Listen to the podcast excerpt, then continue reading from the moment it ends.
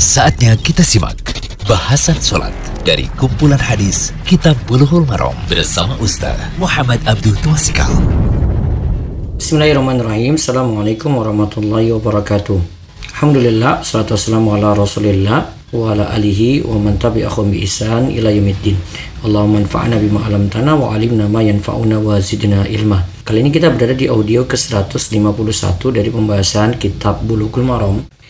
Kita akan memulai pembahasan bab baru dari kitab Bulughul Maram karya Imam Ibnu Hajar Al-Asqalani bab salat tatawu'i, bab tentang salat sunnah.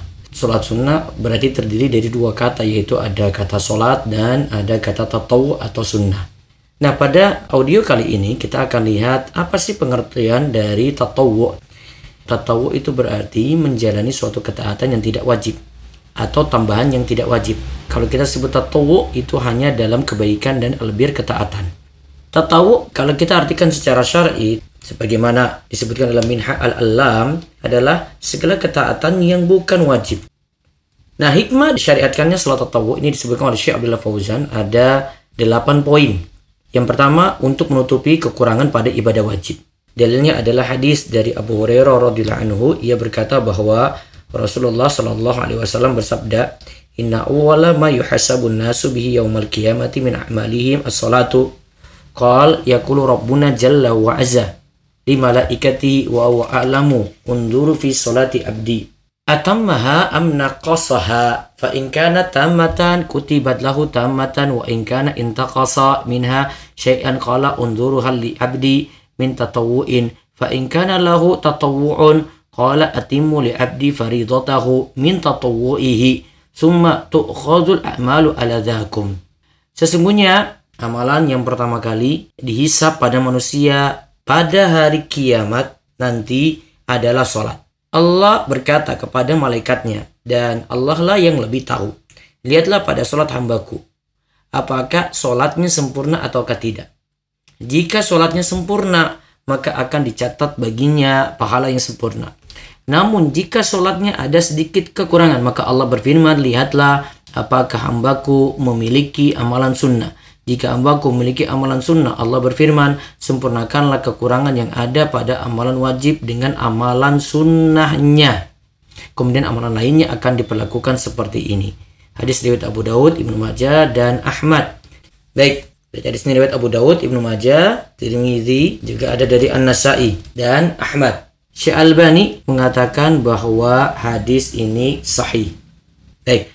Kemudian yang kedua, semakin dekat dengan Allah hingga mendapatkan cinta Allah. Dengan sholat sunnah, kita semakin dekat dengan Allah hingga mendapatkan cinta Allah.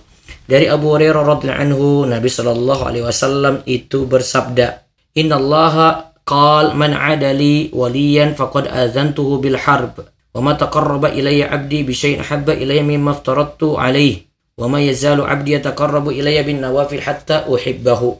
Fa idza ahbabtuhu kuntu sam'ahu alladhi yasma'u bih wa basarahu alladhi yubsiru bih wa yadahu allati yabtushu biha wa rijlahu allati yamshi biha wa in sa'alani la wa la inni sta'adani la uidanna Allah taala berfirman Barang siapa memerangi wali atau kekasihku maka aku akan memeranginya.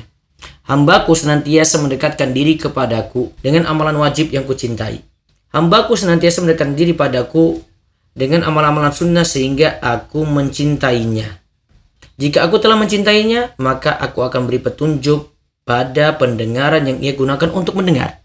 Memberi petunjuk pada penglihatan yang ia gunakan untuk melihat.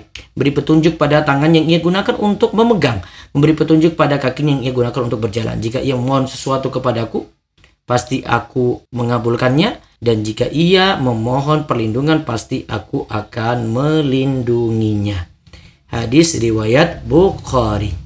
Kemudian Hikmah yang ketiga lagi dari sholat tahu adalah melaksanakan ibadah sunnah agar lebih semangat dalam melaksanakan ibadah wajib. Nah ini diutarakan bagus sekali oleh Imam Ash-Shatibi dalam Al-Muwafaqat. Ia katakan gini, secara ringkas, siapa saja memperhatikan yang sunnah maka ia tentu akan memperhatikan yang wajib. Siapa yang kurang dalam memperhatikan yang sunnah maka ia tentu akan kurang dalam melakukan yang wajib. Kemudian yang keempat, mendapatkan pahala dan ganjaran tertentu karena melakukan ibadah sunnah. Karena nanti dalam hadis-hadis yang kita bicarakan dalam kitab Bulughul Maram, kita akan dapati pahala-pahala tertentu dari ibadah sunnah tadi. Yang kelima, melatih jiwa untuk membiasakan diri dalam ibadah sehingga jiwa merasakan kelezatan, khusyuk, khudu atau yaitu tunduk patuh sehingga mudah pula melakukan yang wajib.